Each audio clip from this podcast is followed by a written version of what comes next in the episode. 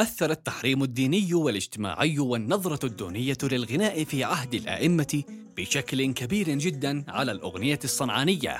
ويظهر هذا التأثير في روح الأرستقراطية الفنية التي تتجسد بشكل واضح في انحصار الغناء على المطرب فقط مع إيقاعات طربية هادئة بآلتين موسيقيتين فقط. واقتصار دور الجمهور على التلقي وحسب على أنه يمكن أن يشارك برقصات هادئة وخفيفة. رحلة في الغناء اليمني. حلقة جديدة.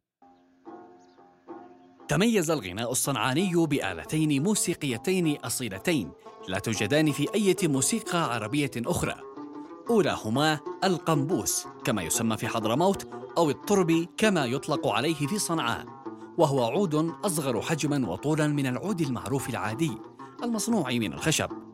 ويحتوي القنبوس على أربعة أوتار وذراع مغطاة بجلد الماعز وهو مرصع بالنحاس وتوجد في أعلى ذراعه مرآة كي يطمئن الفنان إلى هندامه. وفي فترات تحريم الغناء كانت المرآة تنبه الفنان وجمهوره لأية مداهمة لمجلسهم. ويرجع بعض الباحثين اليمنيين تأريخ هذا العود إلى الألف الأول قبل الميلاد استنادا لبعض الرسومات والنقوش السبائية. أما الآلة الثانية فهي نقرية وتشبه الصحن النحاسي. يطلق عليها صحن موميات. وتنقر من خلال تثبيت الصحن على الإبهامين ونقره بالأصابع الثمانية الباقية. وهذه الآلات هي التي أعطت الأغنية الصنعانية مزيداً من التميز والتفرد.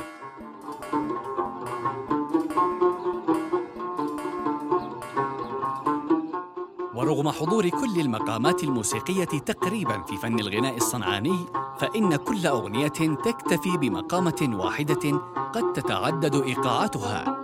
وهي بذلك تكتسب روحا شرقية مع وجود بعض المؤثرات اللحنية مثل تواجد بعض النسيج المقامي للسلم الخماسي. ومنه نفترض وجود مؤثرات أفريقية. والأرجح أنها تعود لمؤثرات البلاط النجاحي في زبيد الذي كان حكامه ذوي جذور حبشية. كما لا يستبعد أنها مؤثرات تعود لفترة الاحتلال الحبشي.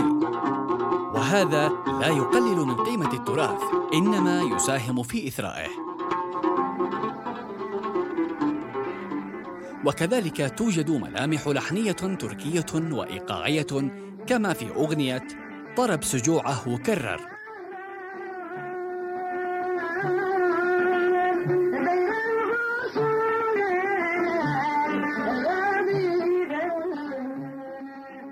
ويمكن ملاحظة ذلك خصوصا في المدخل الإيقاعي لصوت القنبوس. لكن هذا الأثر يبدو أشد وضوحا في أغنية معشوق الجمال.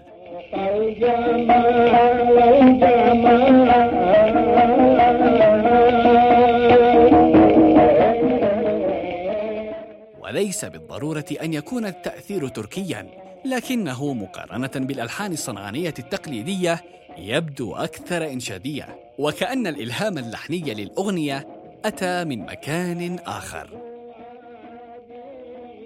ما يلفت الانتباه أيضا في فن الغناء الصنعاني لحن زامل خيلت براقا لمع الذي أداه إبراهيم الماس بمصاحبة العود على إيقاع شبيه بالمارش يعود هذا الزامل في فترة حصار فيض باشا. بجيش مدعم بالمدافع وردت القبائل على حصار فيض باشا بهذا الزامل.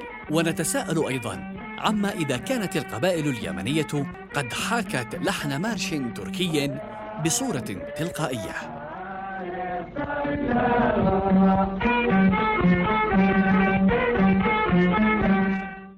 هدوء ورقة الرقصة الصنعانية يجعلانها تبدو كلوحة فنية غاية في الجمال. يتشارك فيها الرجال والنساء بخطواتهم التي تتمايل مع كل إيقاع. ولكل رقصة لحن وإيقاع واحد ما عدا الرقصة الصنعانية.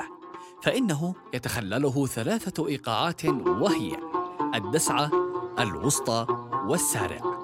بيد أنه لا بد من ذكر أن السارع إيقاع يافعي تطبع بالإيقاع الصنعاني فأصبح جزءا منه.